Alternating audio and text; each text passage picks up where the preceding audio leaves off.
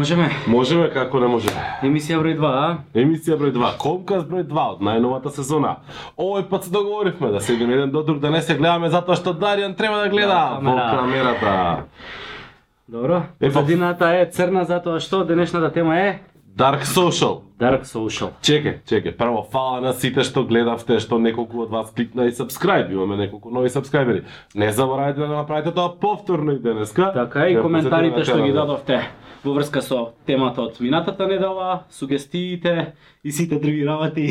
Ја имав коментари, ја имав коментари, но коментарите беа во Dark Social. така. За тоа, значи не беа многу јавни, беа повеќе во во во, во private, луѓето са сорно се споделија информации и очигледно сме погодиле добра тема. Така, се надеваме дека денешната тема ќе биде уште по интересна и уште по возбудлива, затоа што она што се нарекува Dark Social опфаќа сакале да признаеме или не, знаеле или не знаеле добар дел од целокупната активност поврзана со вашиот бренд на интернет. Ако го Дарјан ми вика, вели добар дел, тоа значи 80% од, од целиот дел.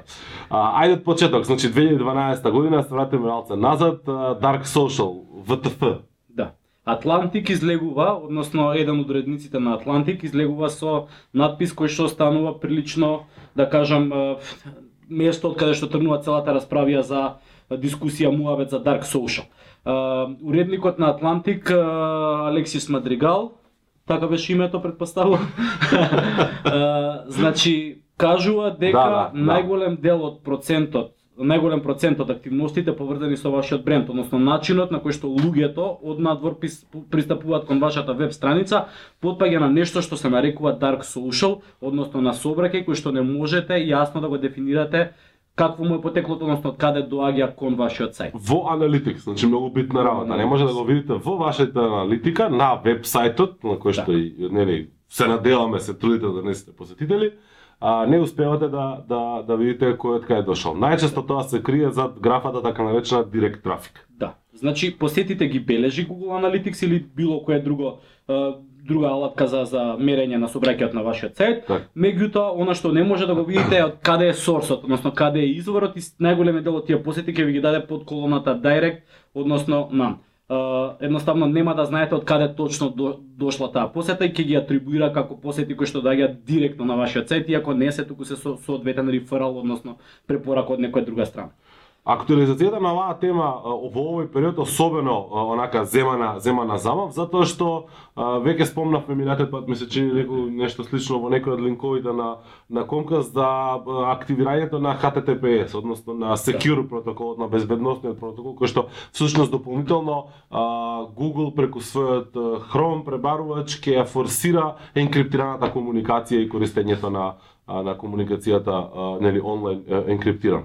Така да а, и оваа енкриптирана информација дополнително влегува директно во во графата Direct, Значи просто кажано, да, да просто кажано, ако вашиот корисник пристапува од сајт кој што го има предзнакот HTTPS кон вашиот сајт кој што е HTTP, браузерот тоа го гледа како не, преаѓање на несигурна територија, едноставно не дава податоци за тоа од каде доаѓа посетата кон вашиот сајт. Значи HTTPS кон HTTP едноставно нема немате начин автоматски да да видите од кој сајт доаѓа посетата кон вашиот сајт. Моето прашање тука е било, дали откривме ако е тагиран линкот, дека овој ќе го Така, открие? значи UTM тагингот веројатно во најголем дел ќе го открие, ќе ќе го открие сорсот затоа што ќе зборуваме после за техниките, затоа што нели линкот доаѓа со сите параметри кои што му се доволни на на платформата за аналитика и се доволни да да да да знае од каде доаѓа посетител. Ајде да наброиме што се е Dark Social, значи кои се канали влегуваат во Dark Social, затоа што а, се зголемуваат од ден на ден, меѓутоа имаме неколку главни големи играчи. Така.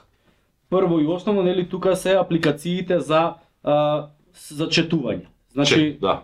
сите четови од типот на Instagram, сите сервиси за четување, за за меседжинг од типот на WhatsApp, Да, си- Messenger, да, Viber. Сите сите средства каде што можете вие во приватна порака да споделите линк со некој од вашите пријатели, едноставно препорачате еј кликни види го линкот. Значи тоа нема да нема да се атрибуира како посета од, од еден канал од Messenger, од социјална мрежа, да речеме Facebook ако во рамки на нели преку преку Facebook Да. отворите месенџери и, и Е сега, ако ние линкот? 80% на почетокот што ги спомнавме звучеа Да. многу, тогаш сетете се или погледнете си го браузерот и видите колку линкови сте споделиле во чат, да. а колку сте јавно сте споделили Да, со, да. со некого Значи на Facebook на статистиките кажуваат дека отприлика 85% од линковите ние ги споделуваме со пријателите во некои приватни конверзации, а не јавно. Да, да. Е сега, значи имаме се ше директна порака, приватна порака на различни сервиси, Така. плюс имаме чет апликации, плюс имаме имейл, Имаме мейл, бидејќи нели најголемите мейл клиенти во принцип сакаат да одржуваат сигурна комуникација и не сакаат да споделуваат никакви информации кон а, надворешните платформи за аналитика, така што се што проаѓа што не е дел од некаков сервис од типот на MailChimp или некоја друга алатка, Да. сето што е линк кој што ќе биде пратен во мейл преку некоја комуникација која што не е, да кажам, преку платформа специјална за мейлинг пораки, исто така нема да биде тракирано како source мейл, туку ќе биде тракирано како директ, односно нам. Како И извор на останува нешто? Да, остана во, значи, нели, има тенденција во а, апликациите од типот на Facebook, на Twitter, веќе сите линкови да, да, да не ги водат луѓето надвор од, од, native апликацијата, од Да. матичната апликација, туку да ги задржат таму. Да. Значи, instant article, сите такви форми, браузери кои што Да, Инстаграм во сега рамки. исто. Така, значи сите тие посети кога ќе го отворите вие линкот во рамки на Facebook и нема да ве излече надвор од Facebook, туку во а, преку Instant Articles или преку браузерите на на апликациите ќе ќе ве однесе кон статијата, сето тоа исто така нема да биде нема да ви влезе во Analytics во делот social, туку ќе ви биде во во делот direct, во сегментот direct ќе биде прикажан. Е сега, поредителниот момент кај нас маркетинг, да речеме стручњаците или не се занимаваме со работа е што а, ако 20% од тоа што му се случува на интернет, односно ние го правиме како корисници, а, може да го може да го следиме, е, тогаш зошто најголем дел од буџетот се фокусира таму? Така, па тоа нели е е едно од најбитните работи кои што ги зборуваме, кои зборуваме ја прашувам ти кажеш. прашувам ти интервју. кажеш. Ќе да прашам ја следно. А, Нема тешко нешто. Да. Оно што го зборуваме нели секогаш дека треба да мерите вашата вашата активност, активноста на вашиот бренд, да да имате се под контрола од аспект што е тоа што се случува поврзано со вашиот бренд. И сега доаѓаме во ситуација во која што 80% од тоа потпаѓа на нешто што не можете едноставно да го измерите само со поставување на аналитикс на вашиот сајт. Да, да. Што да. правиме сега? Сега прави преземаме други активности. Се обидуваме да бидеме досадни и на секој линк, секаде каде што го споделуваме, да му зададеме тагови или UTM тагови. Постои еден, а, постојат серија на на на алатки кои што може да ви го олеснат или а, о, полеснат, а, по полеснат. Ово полеснат не е. И полеснат. Не мен, полеснат. Може да ви го полеснат овој овој да. А, секој пат кога ќе кликнете на некој линк, некаде од сајт, кога ќе кликнете на наше копчиња за споделување или било што, од имејл кога ќе земете некој некој линк да го искупите, погледнете го урл горе, погледнете адресата, и видите дека а, после оној да речеме дел од, од, на сплет на букви и бројки кој што има логика, има едно прашалниче и после тоа се врзуваат некакви други работи. Најчесто тие се UTM параметри, односно UTM едно, друго, трето, може различни параметри да дефинирате, но некогаш ќе добиете и некаков хаш, односно некаква комбинација на бројки и букви чудна, што Да. навидум нема да има никаква логика. Во голема мера ова значи дека некаков трет сервис во позадина всушност се грижи за тагирање на линковите, па тој Да. број е само бројот за индикација внатре во во тој сервис кој користите, што значи дека постојат и а, серија на сервиси кои што ги нудат овие опции за вас, кои што може да ви олеснат, олеснат премногу или да ги систематизираат тагирањата на вашиот вебсайт. Е сега, може да направите системски начин вашиот вебсайт автоматски да ги тагира некој од линковите, некој од сервисите. Имейл клиентите исто така дозволуваат некаква поврзувањето на латките за за маркетинг, за рекламирање, за адвертайзинг, Да. Google AdWords, Да. автоматски ги тагира сите нели сите посети кои што доаѓаат преку рекламите кои што доаѓаат од AdWords, меѓутоа Да. оно што треба да го знаете, никогаш немојте да вадите линк доколку имате контрола над линкот на кој што треба да оди на некое место, дали е тоа закуп кој што сте го сте го направиле директно на портал, значи не е преку некаква платформа која што автоматски ги таги- тагира линковите. Да, да. PR текст, било кој место каде што треба да се појави вашиот линк, гледајте да му ставите тагови. Значи, најдете било кој од алатките кои што се достапни, едноставно пребарајте UTM Tag Building, Tag Builder, ќе ви се отворат повеќе алатки, го ставате вашиот линк, автоматски додавате параметри кои што се претварат во тагови за да може сервисот, платформата за аналитика, најчесто Google Analytics, да препознае од каде доаѓаат тие посети. Да. Тоа може да го правите и на подетално ниво од типот различни банери да ги тагирате со различни линкови за да знаете кој банер на кој сајт ви носи подобри посети. Едноставно не само што ќе го откриете дарк Да. делот, туку ќе знаете и како одредени аспекти, одредени места каде што се појавува вашиот линк придонесуваат за за одредени Да, и друга друга причина е всушност нели ако некој од некој банер кликнал па го земал линкот и споделил, Така. се уште мислам дека него чиста тој останатиот дел од линкот луѓето. Ја мислам дека цели Па, линкови веројатно взимаат и ги споделуваат. Мислам, ја ги да. чистам пошто Да, знам да, што да, значи да, ти онака да. прво ме нервираат, Да. второ нека иде у Да. дарк, нека не знаат од кај доаѓам, нека мислат дека директно сум го укуцал тоа. Меѓутоа, малце е макотрпна оваа работа. Што повеќе од овие од овие да речеме практики ги автоматизирате некако а, или користите некоја трета трета алатка која што ќе ги собере сите овие работи и ќе ви ги организира, е подобро. Меѓутоа и покрај тоа што и нас не мрзим многу често да го правиме тоа, онаму каде што проценуваме дека не смееме да се дозволиме да го Да. правиме тоа, тагираме и тоа фино тагираме. Има некои луѓе кои што онака баш буквално детално го го прават тоа систематски дури со Excel табели и слично и си водат некаква евиденција. Една друга опција каде што може исто така да тракирате линкови, а не е м, неопходно врзана со тагирање, е short link да се да се користи. Сервис за Да, кратки сервисите за шортлинк, ако ништо друго, иако нема да ви ги дадат секогаш, а, значи точните параметри нема да ги Па може би пребрзо. Може Да. ќе додадеме после на на, на клипот некакви улеци за да Ако за да ништо остане. друго во коментар или во блог постот на комуникацијскиот сигурно ќе имате линкови. Значи во принцип сервисите за за креирање на кратки линкови, односно short link сервисите, исто така можат иако можеби нема секогаш целосно во платформата за аналитика во Google Analytics или некоја друга да прикажат од каде доаѓаат кликовите, меѓутоа самата платформа за кратење на линкови ќе ви покаже од каде дошле сите клинко, сите кликови на вашите клинкови, да, сите клинкови. Океј. Uh, така што тоа е уште еден начин. Следниот начин кој Да, што немојте да бидете мрзи, немојте да бидете Да, мрзи. Значи, да. п- макотрпна, меѓутоа станува навика после тоа. Имате на разноразни даталци на браузер кои што може да си ги да си ги инсталирате за да може да ги кратите линковите. А, а ако сакате да знаете што се случува во Analytics, односно на сајтот, Така. ќе мора. Добро, се разбира како и за се друго на интернет денеска постојат и сервиси кои што може да си ги Е, платите и да Ова да, е сценарио во кој што ние имаме контрола на тоа како излегуваат линковите. Да, Што се случува во сценариото кога. Нема. Во сценариото се обидуваме да спасиме нешто од нешто и да добиеме некаков податок кој што треба да ни осветли од каде доаѓа тој тој dark трафик кон кон, Мгм. кон нашата страница. А, она што можете да го направите на наједноставен начин да отидете во Google Analytics во сегментот Direct.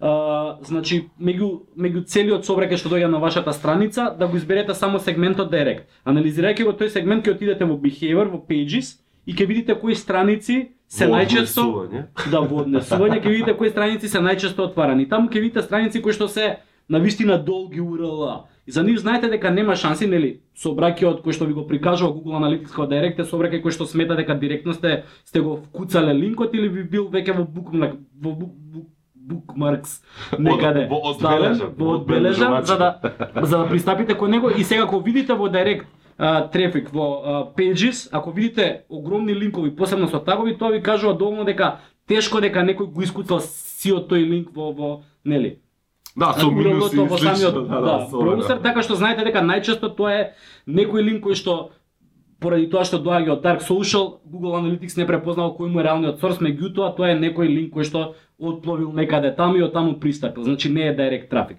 Тука можете да извадите нешто, нешто некаква да направите некаква анализа за тоа од каде доаѓаат вашите вашите посети кои што не може Google Што да се ги прави во ваква ситуација? Се прави нов сегмент кој што ги става овие во едно купче или овие ги трга од другите директ? Како како е ствари техниката или нема Па, препарација? во принцип, во принцип битно е да се разгледува само сегментот Direct. Аха. Има начин да се избере кој сегмент од посетите се се, се разгледува, се разгледува само Direct сегментот и во делот Да. каде што гледаш каде корисниците пристапиле на твојот сајт, можеш да видиш дека тоа се линкови кои што јасно. тешко дека некој на памет ги запамтил и ги искуцал така. Е, сега, кога е контролата, кога е контролата надвор од вашите раце, на пример на вашиот вебсайт, на вашиот блог или каде било, кога не би сакале луѓето да споделуваат содржина за да може да патуваат, а ван надвор од вашата вашата контрола. Океј, paid social знаеме дека е доминантно сега, ама нели сите ние се надеваме на некаков тип на споделување кој јасно, ќе биде кој што ќе биде органско. Има две алатки тука кои што кои што се битни, мислам две алатки, две постапки кои што мене ми текнуваат. Едната е да направите доволно добри атрактивни копчиња за споделување, ги поставите на вашиот сајт, во смисла на тоа да бидат големи, лесни за Видливи кликање, лесни, да, да не ги плашат луѓето Ета. во принцип. А, да, да самото копче всушност те тера да кликнеш на него, а да не идеш на самиот браузер да викаш share, па копи линк, Да, па да го ставиш да. ваму таму наму, пошто во таква ситуација да ретко ќе го видиме ние директно линкот во самата во самиот наш да, share да, на Twitter или на или на Facebook. Да. Туку едноставно ќе ни го замаскира со привите што ќе што ќе излезе. Втора работа што ми текнува во една ситуација е а, да си ги проверувате линковите со CrowdTangle се викаше сервисот што купи Facebook пред некој време. Она што порано се викаше а, Social Count, а сега се вика е, CrowdTangle, да. Сервис еден кој што всушност може да ви даде делумно еден ваш линк или кој било линк на интернет кој ќе го посетите, има еден за за Chrome се додава, може да ви каже всушност колку на Facebook или на другите мрежи има лајкови, споделувања, коментари а, и вкупно а, интеракции. Значи, ако ништо друго, на бројка што ја гледате фамозна голема share па 5700 на некој Да, напис да. на некој news сайт или слично, Не, а, ќе добро е да сватите дека таа не е 5000 споделувања, туку е всушност 5000 вкупно интеракции. Facebook а, го заштити апито, не дозволува веќе да му пристапите внатре да го чепкате тоа таму, затоа што се купи свој сервис, се вика Да. CrowdTangle, и преку него се ако си платите ќе може да си да добиете многу повеќе анализа, меѓутоа во бесплатната опција има а, нешто што е достапно, така да, ако ништо друго барем може да видите колку одреден линк на вашиот вебсайт бил споделуван на, Да. на Facebook или на другите мрежи. Дури ако не може да ги тракирате во Analytics назад, едноставно да имате осет. Јасно. Ај сега малце мета да отидеме, значи ова го кажавме. Генерално она што што го зборувавме тука колку и да е тука джингл- джингл ќе направиме, мета. е, да, да. Ке го воведеме како мини рубрика. Муабетот е дека за Dark Social ќе најдете доста информации, ќе објавиме нешто коментари, се надевам ќе се развие дискусија под под Да, самото да. видео. А, така што иако не бевме многу детални можеби во тоа кои се чекорите, не е некаков тип на упатство што да правите, едноставно ќе срчнете и ќе најдете. Тоа не не плаши никогаш. Да, моето искуство од последниве неколку недели кажува дека многу малку луѓе како генерално како термин слушнаме Так, за Dark так, Social. так, а многу е так. битно само всушност да го отвориме како тема, затоа што сега веќе кога знаете се надеваме дека некој од вас и Так. знае предходно, ќе почнете да сурфате и ќе почнете да дојдете го размислувате, да. Така. Е сега, добриот дел на, на целата приказка од мета аспект некакво гледано дека веројатно Мета. брендовите да ако ако станат свести за тоа дека 80% од собраќајот им се дешава позади крп, дека веројатно ќе почнат да размислуваат малку подобро за начинот на кој што ја креираат својата содржина, за квалитетот на содржината, затоа што едноставно рековме, ако немате контрола каде се случува тој сообраќај на 80% од него, се надеваме дека со овие методи што ги спомнавме ќе осветлите некаков дел и ќе доете Да, до пол- 10, 20, половин процент, 30%. Така, меѓутоа повторно добар дел ќе ви остане зад грб. Е затоа е добро да бидете а, добри во тоа што го правите, првенствено одговорни во бизнисот кој што го работите.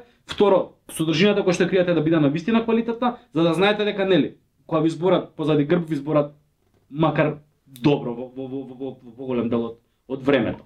Значи тоа е некаков, не знам, take away од целава оваа ситуација дека можеби брендовите ќе експериенс, пак ќе биде Да. искуството цел вкупното искуство вкупното искуство, так, Што так, так. Со ова всушност само сваќаме дека во поголем дел од комуникацијата ние немаме контрола, ние немаме Да. увид што се случува. И автоматски значи треба да даеме зашто зашто ние стално викаме на social кога некој ќе постави прашање, всушност 10 луѓе го чекаат одговорот. Так. Така да тоа е тој момент. јасно, Значи можеби 10 луѓе праш, прашале пријатели во чет се пожалиле едно друго Да. и чекаат ваму да видат што ќе се деше, па ќе пренесат и слично. Така да Да. влијае сето тоа, целокупниот пристап, целокупниот настап на не само на социјални медиуми, генерално Генералната на- бизнис на- стратегија, јасно. А, втората, втората мета, да кажам, точка на, на, на целиот мовет би била веројатно тенденцијата на луѓето за споделување на социјалните мрежи. Така, значи не споделуваме баш секојаш она што го мислиме, не споделуваме баш секојаш она што ни се допаѓа јавно сосема. Да, Значи, да. веќе со текот на времето створивме некакви огради, некакви филтри малце построги по однос на тоа што споделуваме. Така Да, што да. а, тенденцијата луѓето да споделуваат во приватни пораки, во четови, а, по мејл, на Viber, на WhatsApp, а, во DM и така натаму, веројатно ќе. Сите го забораваа. Да. Во принцип таа тенденција не верувам дека ќе ќе ќе престане во догледно време да биде таква. Затоа што Да. сликата која што ја градиме за себе на социјалните мрежи во многу зависи од тоа што споделуваме. Така што споделувањето ќе биде ќе остане пак малку под Ни снема лента, бе. Ни снема лента. Добро, да Добро, завршиме малото. Значи не знам дали беше снимено тој дел со цена во инбокс, значи да го направиме поотворен и тука брилјантно Даријан пред да скокне од столчето му текна дека го водам на муабетот на четботови. на Се чет знае. ботови, да. А, добро, мислам, актуелна тема, интересна е, луѓе ги прават, пустат, експериментираат, а, дури чет ботовите се така многу е битно натре да тагирате линкови да знаете ако ги праќате на сајт дека а, дека доаѓаат преку тие канали. А, окей, мислам дека тука некаде може да ја за, заокружиме да речеме темава, Влад го дефиниравме што е, кажавме како да се намали бројот на Dark Social посети на вашиот вебсайт, колку толку и кажавме што може да направите нели за да бидете добри. Има многу повеќе техники, многу повеќе практични примери што компаниите се обидуваат да ги преземат, прават истражувања, прават чуда врагови за да осетат како луѓето нели колку споделуваат, како како се однесуваат кон нивниот бренд. А сега за сега, мислам дека главен takeaway, односно да, да запонети, е, е битно да сте свесни дека Dark Social постои и дека во следниот пат кој ќе го размислувате или кој ќе треба да отидете да донесете одлука, случај ние треба да имаме добра компанија, да го земете ова предвид. Така. И кога ќе отворите Google Analytics и кога ќе кликнете во Direct и кога ќе видите Direct None и кога тоа ве нервира, тоа е добро што ве нервира. И да не, Ќе- да не продолжи нервира дека толку многу да. луѓе ве знаат, ве сакаат. Да, и ќе ќе морате да почнете малку да, да чепкате да најдете начин да да дознаете што се крие позади тоа, како што зборувавме денеска во најголем дел се крие dark social тука, така што интересирајте се, чепкајте, најдете ги начините, пишете ни, споделете ваши искуства, Да. И она што е најбитно, uh, сабскрајбнете се, претплатете се на овој канал, затоа што еве малце касниме заради ова затнатово мое, uh, пред се со снимањето. Uh, меѓутоа еднаш неделно ќе се обидуваме да отвараме свежи теми, полека полека да воведеме да се воведеме у приказкава, па ќе донесеме и гости, ќе одиме и по настани различни, меѓутоа слободно комуницирајте, пишувајте, давајте сугестии, предлози, поканете се самите себе си на гости ако сакате да ни дојдете. Апсолутно и дајте предлози за тоа која тема мислите дека е актуелна и интересна да да се обидеме да продискутираме и, и, и на неа. Чао. Молам. Добар ден.